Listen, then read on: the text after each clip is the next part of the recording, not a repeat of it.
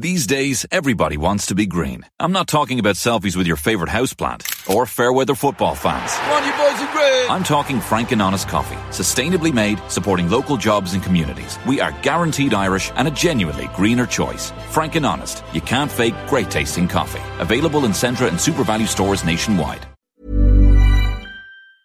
Hvis du mister livsgrunnlaget ditt, da begynner du å stille spørsmål til hvorfor. Den tror jeg de blir nødt til å gi opp. Den kommer til å gå hardt på solidariteten løs. Jeg sitter med en følelse at dette er noe som kommer til å henge ved oss lenge. Ca. 60 milliarder koster det nå per måned. Vi må, må tenke nytt i forhold til hvordan velferdsstaten skal se ut etterpå.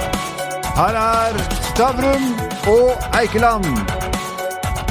Velkommen, Kari Due Andresen. Du er sjeføkonom i Handelsbanken. Vi har lagd en gallup hvor nesten halvparten av Norges befolkning tror at koronaen kommer til å være hos oss fram til nyttår. Ja. Hva blir de økonomiske effektene av noe sånt? Ja, det er jo det norske samfunnet i stor grad stengt.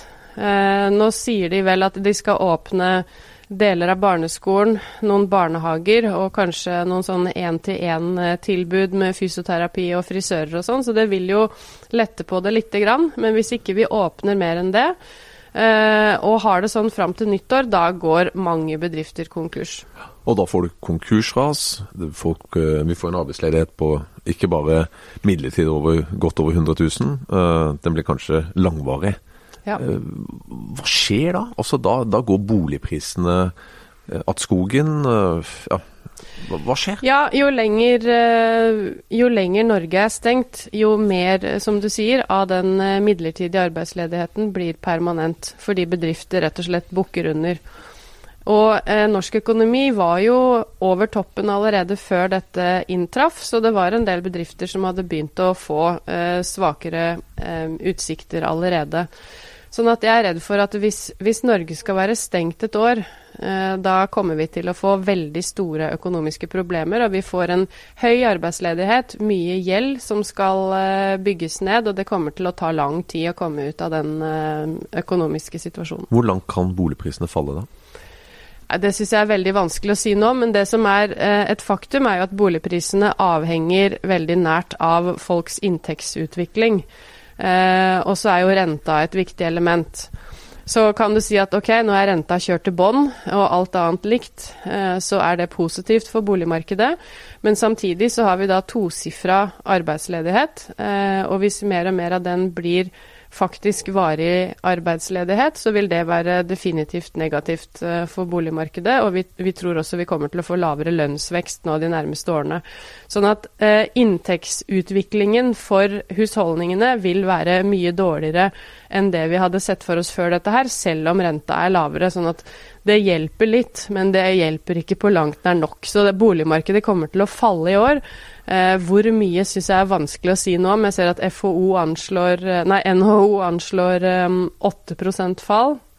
Jeg tror nok det kommer til å bli et betydelig fall i år. Og så tror jeg også veksten, når vi kommer oss noe tilbake igjen, blir svakere enn vi trodde før krisa. Rett og slett fordi at, man, at vi ser for oss høyere ledighet og lavere inntektsvekst Men- i flere år. Men NHO sier eh, 8 eh, blir, altså Jeg tror det blir mye kraftigere. Mm. Fordi at det er psykologisk hos folk. Altså når, når folk tror at nå skal det ned, nå skal det ned. Mm. Da, da blir det alltid mye kraftigere fall. Og så blir jo selvfølgelig The Boomerang eh, mye kraftigere også, men eh, er du ikke enig i det? Jo, så du har den faktiske effekten av eh, lavere inntekt. Og så har du også den eh, frykteffekten som jeg var inne på, som er, er sikkert noe av det samme som du da mener. At, at folk er bekymra for framtida eh, og setter seg på gjerdet og venter. eh, og gjør ingen investeringer før de er tryggere på hva som kommer til å skje. Det, det, den deler jeg fullt ut.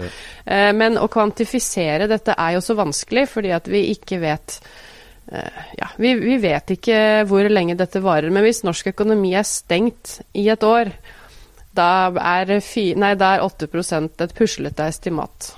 Men du, eh, vi lever jo av å stille spørsmål. Du lever jo av å faktisk eh, si hele tiden hva du tror mest på i Mm. en usikker verden. Ja. Hva tror du mest på når det gjelder varigheten og styrken av nedstenging? Jeg tror eh, at den strategien som myndighetene har gått for nå foreløpig, som de kaller for å slå ned viruset og holde smittefaktoren til under én, den tror jeg de blir nødt til å gi opp. Rett og slett fordi at eh, den kostnaden for samfunnet, både økonomisk og helsemessig, er for stor.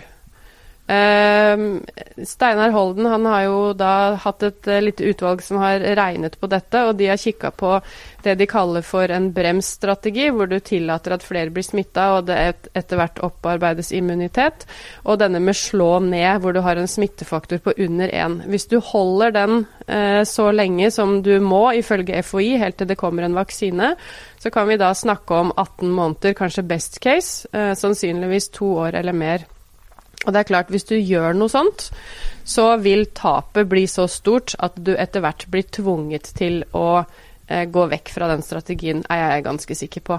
Eh, en mellomting som Holden-utvalget eh, også nevner, er at du kan slå ned i starten, og så kan du slippe opp gradvis hvis du får på plass en teknologisk løsning og utstrakt testing. Sånn at folk kan bevege seg mer fritt, à la Sør-Korea. Hvis man klarer å få på plass noe sånt, eh, så kan man kanskje slippe opp mer og samtidig holde smittefaktoren nede. Men, men eh, jeg vet ikke om det er eh, realistisk å forvente seg. Så. så jeg tror at i hvert fall den med å slå ned og holde nede i lang tid, det tror jeg ikke kommer til å være mulig. Men du må jo oppsummere tingene dine i noen Excel-ark. og Der må du på en måte legge inn hva du tror mest ja. på. Når tror mm. du at de må slippe opp litt? da? Vi tror at eh, vi kommer til å ha ganske omfattende tiltak på plass eh, ut juni. Og at vi kan se en gradvis oppmyking kanskje i andre halvår. Men det har jeg lagt inn mest som en teknisk uh, forutsetning, bare fordi at jeg klarer ikke helt å se for meg at Norge skal være stengt uh, noe særlig lenger enn det. Men hvis jeg tenker på hva det innebærer av helsemessig strategi, så må det jo da enten bety at de har gått over til en eh, bremsestrategi, eller at de har en slå-ned-strategi med utstrakt testing og monitorering av eh, befolkningen. Så, så, det du sier da, det er at norsk økonomi den tåler ikke dagens koronastrategi lenger enn til sommeren? Ikke over så lang tid som de antyder, nei. Så eh, sånn som Steinar Holden regnet på det og mente at det kom til å koste samfunnet i underkant av 200 milliarder. Eh, 186 milliarder eller noe sånt Cirka. var det vel. Eh, ja, ikke sant. Um, men poenget er at dette er ikke bare et økonomisk tap. Det er snakk om da en ungdomsgenerasjon som ikke kommer inn på arbeidsmarkedet. Du har skyhøy arbeidsledighet, du har en selvmordsrate som vil ta seg opp. Det er masse sosiale problemer som kommer på toppen. Så de har forsøkt å kvantifisere hva det koster samfunnet, ikke bare økonomisk, men også på en måte sosialt og helsemessig, og mener at det er en mye større kostnad enn de andre mulige strategiene. Du snakker om en sånn generasjon nå som kan gå tapt, egentlig, ja. Eh, hvis man fortsetter lenge. Eh, vil da normalen bli pluss 100 000 arbeidsledige? Ja, altså Det kommer an på når du tenker deg en uh, normal. Jeg tror nok at vi kom, Nå har vi jo tosifra ledighetsrate nå. Um, og så ser jeg for meg at vi kan kanskje komme ned på en en ledighetsrate mot en kanskje 4% i løpet av uh, noen år. Det vil si sånn 60 000? Altså 100 000. Hvis du snakker 70. om registrert ledighet, så er jo det en sånn 3,5 ish. Okay, uh, og det vanlige for registrert ledighet er jo sånn rett i overkant av 2% Så har du fortsatt 1% høyere ledighet enn det som er vanlig, da. Mm. Kan godt hende at vi, at vi stabiliserer oss på en normal framover med noe høyere ledighet enn, enn det vi har hatt hatt. Um, det er veldig vanskelig å, å, å, se veldig langt frem her og, og, si noe om det, men jeg tror at i løpet av de nærmeste årene så vil vi komme ned, men fortsatt ha vesentlig høyere ledighet enn det vi hadde før krisa. Og det, det ser jeg for meg i flere år. Men til nå har vi jo nesten altså Vi har stengt noen butikker, og vi har hatt en måned, en rar måned egentlig, alle sammen. Mm. Eh, men folk flest har jo ikke egentlig følt de brutale virkningen ennå. De er permittert, de har hatt full lønn opp til 6G. Men nå framover mm. begynner folk faktisk å tape økonomisk. Ja. Når tror du tålmodigheten eh, tar slutt? Ja, altså jeg, jeg, Det syns jeg også er vanskelig å, å, å sette noe antall mhm. måneder på. Men, men, som du påpekte, det har bare gått én måned. Uh, og folk var jo ganske sure for det hytteforbudet. Og jeg tror at uh, denne slå ned-strategien den kommer til å gå hardt på solidariteten løs uh, ettersom ukene og månedene går og flere og flere bedrifter går konkurs. Fordi hvis du mister livsgrunnlaget ditt, da begynner du å stille spørsmål til hvorfor. Uh, og det tror jeg kommer til å bare øke framover. Fordi at folk har ikke fått en forståelse av hvor lenge vi skal ha det sånn, tror jeg. Og det må, må i større grad forklares, og jeg tror det kommer til å komme et økende krav om, om det fra myndighetene. Uh, så jeg vet, ikke, jeg vet ærlig talt ikke hvor lenge bedrifter klarer å trå vannet. Uh, sikkert et par måneder, men men å holde stengt et halvt år og et år, det tror jeg er umulig for veldig mange. Og vi ser jo allerede at myndighetene har eh, gjort strengere tiltak enn det FHI f.eks. anbefaler. FHI anbefalte jo nå å eh, åpne hele barneskolen, mens myndighetene har bestemt seg for å åpne bare første til fjerde trinn. Og Det betyr jo at mange må sitte hjemme med unger fortsatt, selv om de kanskje ikke hadde, hadde trengt det, og barna kunne fått komme på skolen. Så jeg tror de må forklare seg framover. Men, men, det er klart, det myndighetene gjør nå, de skaffer et sikkerhetsnett. De kan ikke dekke alle tap. Og det sier seg selv, det tror jeg alle egentlig har forståelse for. Men de må gjøre så mye de kan i denne krisen, for den er jo også i stor grad påført fordi de har valgt en strategi. Men eh, nei, som sagt, jeg tror eh, når det har gått en måned til, og kanskje to til, da eh, begynner det å røyne hardt på, tror jeg. Ja, For det er lettere å være solidarisk når du har full lønn, enn når du har halv lønn? Det er definitivt sånn. Uh, og jo mer desperate folk blir, uh, jo mer krever de å få svar på hvorfor det er sånn, og, og, og, hvor lenge det skal være sånn, tror jeg. Men tror du at regjeringen kommer til å forlenge eh, full lønn en måned til? Jeg tror at regjeringen de gjør nå alt de kan, og så, mener, og så må de selvfølgelig se an eh, effektene av dette her. Eh, hvordan det slår inn. Men, men, vi har jo masse oppsparte midler, og det er jo ikke tvil om at dette er en, en krise helt utenom det vanlige, som forhåpentligvis går over. Og da bør man eh, komme med de tiltakene man kan for å, for å, hindre at ikke det økonomiske tapet skal bli større enn nødvendig. De vil forsøke å holde bedrifter i live og husholdninger flytende, tror jeg, gjennom dette hvis de kan. Eh, så hvis det er snakk om å bruke peng mer penger for en, eh, for en, liten periode, hvis de anser det som å være hensiktsmessig, så har vi de pengene, for å si det sånn. Eh, men, men vi, har, vi, vi, har, et oljefond som er nå Nå er det vel i underkant av 10 000 milliarder, sånn, sånn ca. tre ganger så stort som norsk økonomi. Så hvis eh, privat næringsliv da har en verdiskapning i kvartalet på ca. 500 milliarder, så er det ikke så lenge før det oljefondet er tomt, hvis vi bare skal sitte og vente det ut, kan du si. Men, men Steinar Holden har jo regna på at ca. 60 milliarder koster det nå per måned som dette står på, eh, og er eh, tilsvarende ille. Så du kan helle på en stund. Men hvis du skulle, hvis du skulle vært eh, arving, hva ville du helst overtatt? Et samfunn med Eh, med, uten en tapt generasjon, og med bedrifter som, eh, som, gikk, og med den kompetansen som befolkningen har, mm. eller en høyrentekonto i utlandet? Det var et veldig lett spørsmål, syns jeg. Ledende spørsmål. Nei, men det er klart, altså den eh, Det viktigste for norsk økonomi er jo folka vi har. Det er, tror jeg ikke det er noen som uh, tviler på. Uh, og det er jo også den største verdien for norsk økonomi framover. Det er jo ikke oljefondet, det er jo tross alt en liten bit av det. Det er uh, nåverdien av framtidig mm. arbeidskraft som er den store verdien vi har. Uh, og vi må ta vare på det norske samfunnet og den norske vekstevnen, og det er det viktigste. Så selvfølgelig skal vi bruke de pengene vi må, tenker jeg. Problemet er bare at du må velge deg en strategi her. Og hva skal du velge?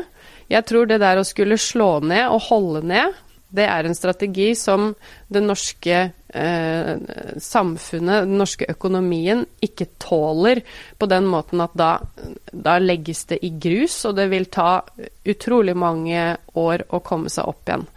Eh, og også det samfunnsmessige og, og, og, helsemessige tapet blir kjempestort. Grunnen til at jeg stilte spørsmålet er at I debatten så er det jo en del som er bekymra for oljefondets størrelse, men det, mm. det er ikke øverst på din bekymringsliste akkurat nå? Nei, det er jo bekymringsfullt på den måten at det blir jo mindre etterpå. Uh, dette er jo sparepengene til ungene våre, for å si det sånn. Uh, og det skulle sikre en del velferd framover. Så det det betyr når vi brenner gjennom disse pengene nå, er at vi har brukt opp sparepengene. Eller vi, vi, vi bruker penger nå som vi ikke har seinere. Det er rett og slett bare så enkelt som det. Sånn at alle må stramme inn livreimene på den andre sida. Vi har ikke råd til den, de rause velferdsordningene som vi har hatt fram til nå. Men tror du ikke det, at man da vil presse frem uh, ting som f.eks. Uh, eh, reform i statlig pensjon? Offentlig pensjon? Jo, jeg tror at du må ha en del uh, du, det, Fordi at det er jo ikke bærekraftig. Sånn at uh, man er nødt til å gjøre en del endringer, antagelig. Fordi at det du kan spe på med av offentlige kroner hvert år nå etterpå, det er jo da av et mye mindre fond. Altså 3% av det oljefondet når dette her er ferdig. Det er mye mindre enn 3% før.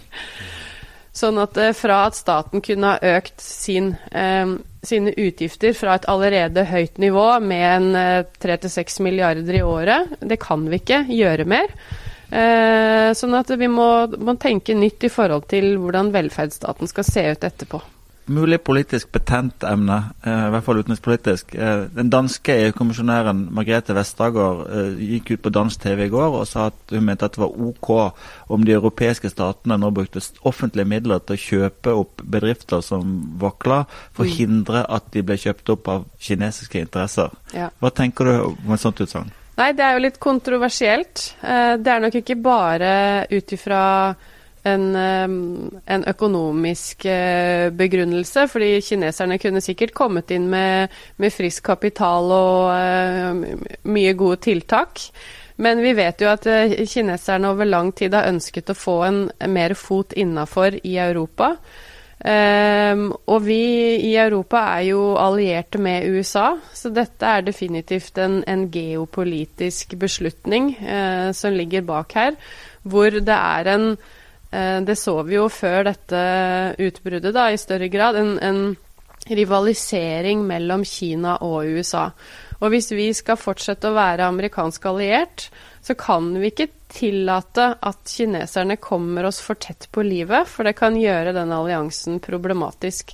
Vi ser jo at amerikanerne allerede er eh, skikkelig irritert på dette Belt and Road Initiative til eh, Kina, som eh, øker sine investeringer verden over, og også inn mot Europa. Italia har jo f.eks. skrevet under på en sånn Belt and Road Initiative endorsement, som får amerikanerne til å virkelig se Hva vil det si? Bare så Det vil si at at uh, italienerne på en måte ønsker kinesiske investeringer velkommen.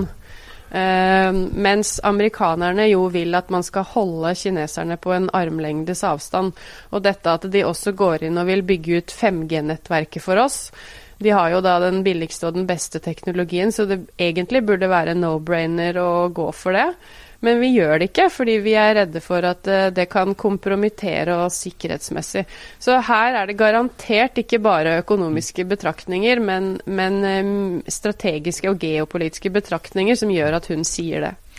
Eh, vi, vi, trenger ikke å være superkonspirative. Vi kan rett og slett bare se på effekten. Det kan jo være sånn at eh, først får vi viruset, og etterpå så blir eh, bedriftene kjøpt opp. Ja, øh, og da er det jo, spørs det jo hvem som kjøper dem. Altså Enten så går de konkurs, eller så blir de kjøpt opp. Og da åpner altså EU for at staten kan gå inn med midler og holde en del strategiske bedrifter i live til denne krisa er over.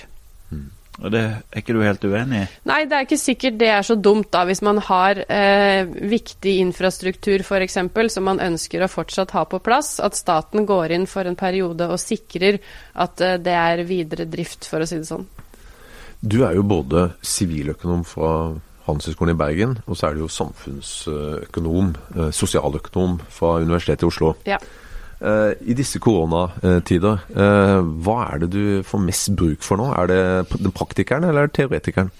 Oi, det er forskjellen på de to. Den tabloide versjonen. Nei, i min jobb så er det nok definitivt samfunnsøkonomien som jeg bruker mest. Eh, men det er veldig greit å ha det andre i bånd, Men det er nok ikke noe tvil om at det er samfunnsøkonomien som er viktigst i jobben min eh, nå om dagen. Det er jo fordi at det er det, det, er det håndverket man, man, bruker til å analysere nasjonaløkonomien og verdensøkonomien, mens, mens eh, Handelshøyskolen blir litt mer på selskapsnivå. Hvis vi tenker litt lange linjer, da, har samfunnsøkonombrillene på. så Jeg syns personlig at denne krisen her minner mest om den store bankkrisen i Norge på slutten av 80-tallet, hvor staten var det eneste som hadde penger. Mm. Bankene, Aksjonærene tapte pengene, og staten overtok eh, bankene. Um, kan vi se for oss et skift nå i fordelinga mellom privat og offentlig sektor i Norge også etter dette? Det kommer kanskje litt an på nok en gang da hvor lenge dette varer. Hvis det blir enorme tap, så kan det jo hende at staten vil vurdere å, å gå mer inn på eiersida i, i, i, viktige selskaper. Men, men eh, vi får jo håpe at det ikke blir noe bankkrise denne gangen. fordi at eh, bankene har jo blitt mye bedre kapitalisert opp etter finanskrisa. Det var jo noe vi lærte. Sånn at bankene har jo mer kapital. Blant annet så har de bygd opp en sånn motsyklisk kapitalbuffer som de nå har, eh, kan tære på. Så det, det, er jo gode ting som har skjedd, som gjør at bankene er bedre stilt eh, enn det de var, sånn at de kan tåle mer tap. Eh, men så får vi jo håpe da at tapene ikke blir så omfattende, men det vil jo avhenge av igjen hvor lenge det varer. Hva er grunnen til at ikke det ikke er mer uro rundt eh, måte, statenes finanser i disse tider. Altså, Den ene staten og den andre bruker masse penger. Ja. Eh, hvorfor ikke større uro rundt det? Nei, Det jeg har hørt eh, en del snakke om sånn i forhold til norske kroner f.eks., er jo at krona kanskje kan få en sånn eh, opptur eh, på andre siden av dette her. Nettopp fordi at i Norge så har vi masse penger, mens andre steder så sliter de. Man kan jo også tenke på det sånn at det relative bildet er helt uendra, fordi alle blir satt tilsvarende tilbake. Men jeg tror at f.eks. sånn som i Italia, hvor de allerede hadde en gjeld som var 135% av BNP, det er klart, der sliter de jo enda mer etter dette. Eh, samme med Spania og Hellas og en del land som har veldig mye gjeld. Så EU-prosjektet eh, kan jo potensielt bli satt på en solid prøve her. Og de har jo diskutert seg gjennom påska og kommet til noen sånne minimumsløsninger for finansiering til statene som, som, har slitt mest. Italia og Spania vil jo gjerne ha koronabonds, altså de vil ha felles backa obligasjoner. Nå har det ikke gått helt så langt ennå, men de har satt opp en mekanisme med et slags fond hvor du kan få penger hvor det er mindre strings attached enn det det var med dette ESM-fondet som det var snakk om etter finanskrisa. For der kunne jo Italia og Spania få låne penger fra dette ESM-fondet mot at de godtok en, en rekke ganske strenge krav, og så skulle sentralbanken da kjøpe opp statsgjelda deres, eller kjøpe opp obligasjoner. Så eh, det er mange land i eh, i Europa som kommer til å slite, og det kommer til å kreve en høy grad av solidaritet. Så jeg må si jeg er spent på hvordan det kommer til å gå. For Nå har de jo permittert alle regler om budsjettdisiplin. Ja. Eh, tror du eurosamarbeidet f.eks. overlever dette? Jeg håper det. Eh, jeg føler meg ikke 100% sikker. Jeg tror det krever av Tyskland og Nederland og en del av disse andre landene som, som ikke har ønsket å plukke opp regninga. Jeg tror de blir nødt til å gjøre det. Eh, jeg tror de i mye større grad må eh, stille opp som garantister for de svake landene for at eurosamarbeidet skal eh, overleve. Siden du også er siviløkonom, så kan vi håpe på litt på mikronivå. hva er det lure folk gjør nå? Ja, det, Problemet med det spørsmålet er jo litt at ingen vet hvor lenge vi skal ha det sånn som vi har det nå. Eh, jeg ville sagt at eh, legg en god plan ut ifra det du ser for deg av eh, personlig inntekt framover. Mm. Det er utrolig vanskelig å gjøre, eh, nettopp fordi at vi vet ikke hvor lenge Norge skal være stengt. Så jeg mener at myndighetene nettopp må komme på banen og um, i mye større grad opplyse norske husholdninger og bedrifter om hva de ser for seg framover. Og da må man, eh, gitt eh, si, den inntekten man forventer, bare sikkert være litt eh, sparsommelig eh, og håpe på bedre tider. Altså jeg ville Så du vil anbefale de å spare? Det er jo ikke bra for økonomien. Nei, men, men rett og slett fordi at uh, dette er, det er så utrolig mye usikkerhet her.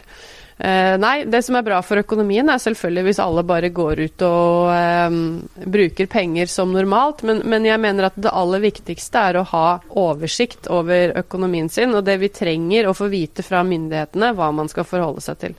Hva ville vært rådet ditt hvis du nå fikk vite at dette varte til juni, alternativt du fikk vite at vi kom til å ha det sånn som dette fram til jul? Hva ville vært rådet ditt til folk da? Ja, Hvis dette varer fram til juni, da tror jeg ganske mange kan være trygge på at de fortsatt har en jobb. Så Sånn sett så kan man i større grad leve normalt. Man kan bestille seg ferier om et år. Altså man kan, man kan uh, kjøpe seg bolig uh, om uh, relativt kort tid, kanskje. Altså man kan gjøre normale ting hvis Norge er åpen igjen for alle slags forretninger fra juli, da, for å si det sånn. Hvis det ikke er åpent igjen før til jul eller før januar til neste år, da er det mye større sannsynlighet for at mange mister jobben, og at store deler av den ledighetsøkningen vi nå har sett, går fra å være midlertidig til å bli permanent. Og da må man eh, være mye mer forsiktig med hvordan man bruker penger. Dette har jo vært, eh, det, dette er ikke den muntreste podkasten vi har hatt, men jeg får introdusere et, et, mer positivt ting. Det er jo den, den tilpasningsevnen som mange bedrifter nå viser. altså den, Man har hjemmekontor, man har møter på, på Hangout eller Zoom. Eh, Plutselig bygger man opp digitale forretningsvirksomheter. Man mm. sender varer hjem til folk. Er det noen positive ting også vi kan si i dette? Det er jo fantastisk for miljøet. Eh, det vil jeg jo si er en positiv ting. Det kan jo også hende at, eh, at, man, kommer, at man, lager seg noen nye løsninger. At f.eks. blir lettere å, å, treffe kunder uten å reise. Altså jeg ser jo bare på meg selv. Jeg har jo flere kundemøter nå enn eh, jeg har hatt tidligere. ikke sant? Fordi at jeg slipper å dra rundt til folk. Så har vi heller møter på Skype eller på en eller annen løsning.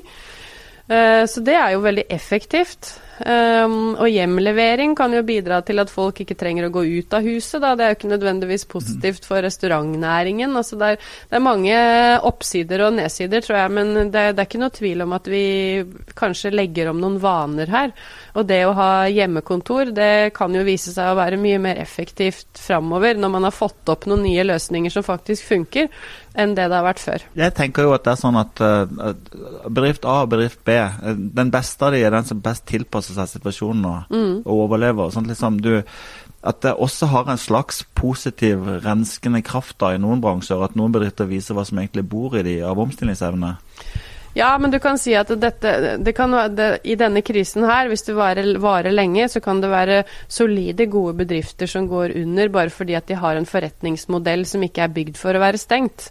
Og så er det klart det er mange som kan være kreative og delvis jobbe seg rundt det, men det vil være mange som ikke kan det. Eh, så økt kreativitet er alltid positivt, tenker jeg, men, men, her står vi nok i en situasjon hvor det ikke er så lett som det. Altså det er, det er mange som er rett og slett avhengig av at Norge er åpent for at de skal ha noe å gjøre. Um, så jeg, jeg tror nok du absolutt har rett i at man kan man kan fornye seg, og at det kanskje det var en del bedrifter som ikke hadde livets rett. Men vi er også i en situasjon hvor det er mange bedrifter som hadde livets rett, som kommer til å gå konkurs. Men, eh, men Gunnar, eh, det er jo ok, jeg enig mye dystert her. Eh, men det er jo også muligens noe positivt som kan komme ut av denne podkasten. Og det er at hvis Erna og regjeringa hører på Kari Due Andresen, at faktisk at de endrer strategien det hadde jo vært fantastisk. Eller at de hører på Steinar Holden, er kanskje mer sannsynlig. Eh, men han har sagt mye av det samme som jeg eh, har vært inne på. Jeg har jo skrevet litt i avisene også om dette her, at jeg tror ikke den slå ned, hold nede-strategien er mulig å gjennomføre. Jeg tror de er nødt til å gå over på noe annet. Og det var mye av det Steinar Holden også sa. Men hvis de hører på, for all del. Eh, helt enig. Det, vi, det, er lov å håpe. men eh, Ikke for å være dyster igjen, da, men eh, vi har en nær, eh, en nær, bekjent som nå har ligget i respirator i 16 døgn. Og Det er en person som er noen og 50 år. Eh, omtrent som noen av oss. Eh, og Eh, den illusjonen om at det er bare 85-åringer som bor på sykehjem som blir alvorlig syke og døde, den er jo ikke riktig. Sant? Det er jo kanskje en million mennesker i Norge som er i en, type, i en utsatt gruppe. Vil ikke det tale mot en omlegging av strategien? At det vil være et nokså sterkt press også for å unngå å komme dit hen som vi ser i andre land? Jo, altså det, Litt av problemet her er jo mangel på statistikk. Eh, og så er det vanskelig å overføre erfaringer fra ett land til Norge, fordi de kan ha et helt annet type helsevesen.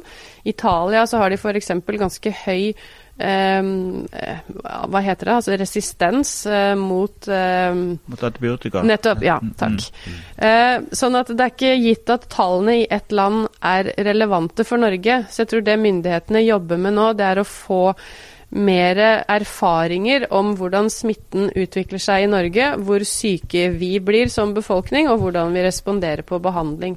Og det er de nødt til å, å sikkert se an litt over tid, før de kan si noe presist om dette. Men allikevel så er det sånn at hvis du stenger ned norsk samfunn i to år eller mer, så vil uh, den uh, effekten av det bli større enn uh, den helsemessige effekten du får av å gå for en bremsestrategi, f.eks. Men da hører jeg egentlig at det du tror mest på, det er at vi kommer fram til sommeren. Det blir en gradvis uh, oppslipp uh, og en endring av strategi uh, som gjør at vi egentlig kommer raskere gjennom dette enn vi kanskje frykter nå. Og at folk da kan planlegge ferie om et år, som du sa. Ja, jeg vet ikke om jeg tror det skjer eh, sånn at vi kommer til juni og at det så blir et frislipp. Men jeg tror at det blir en mer gradvis åpning. Eh, men jeg føler meg veldig usikker på hvor eh, hvor, for, hvor, raskt vi kommer tilbake til en slags normal. Eh, hvor mye de tør å åpne, f.eks.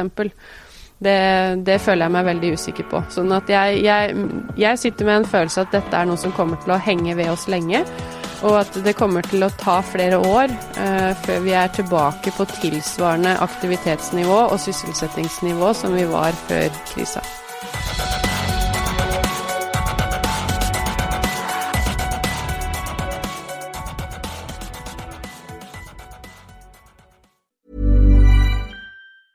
These days, everybody wants to be green. I'm not talking about selfies with your favorite houseplant or fair weather football fans. Come on, you boys are green! I'm talking frank and honest coffee, sustainably made, supporting local jobs and communities. We are guaranteed Irish and a genuinely greener choice. Frank and honest, you can't fake great tasting coffee. Available in Centra and Super Value stores nationwide.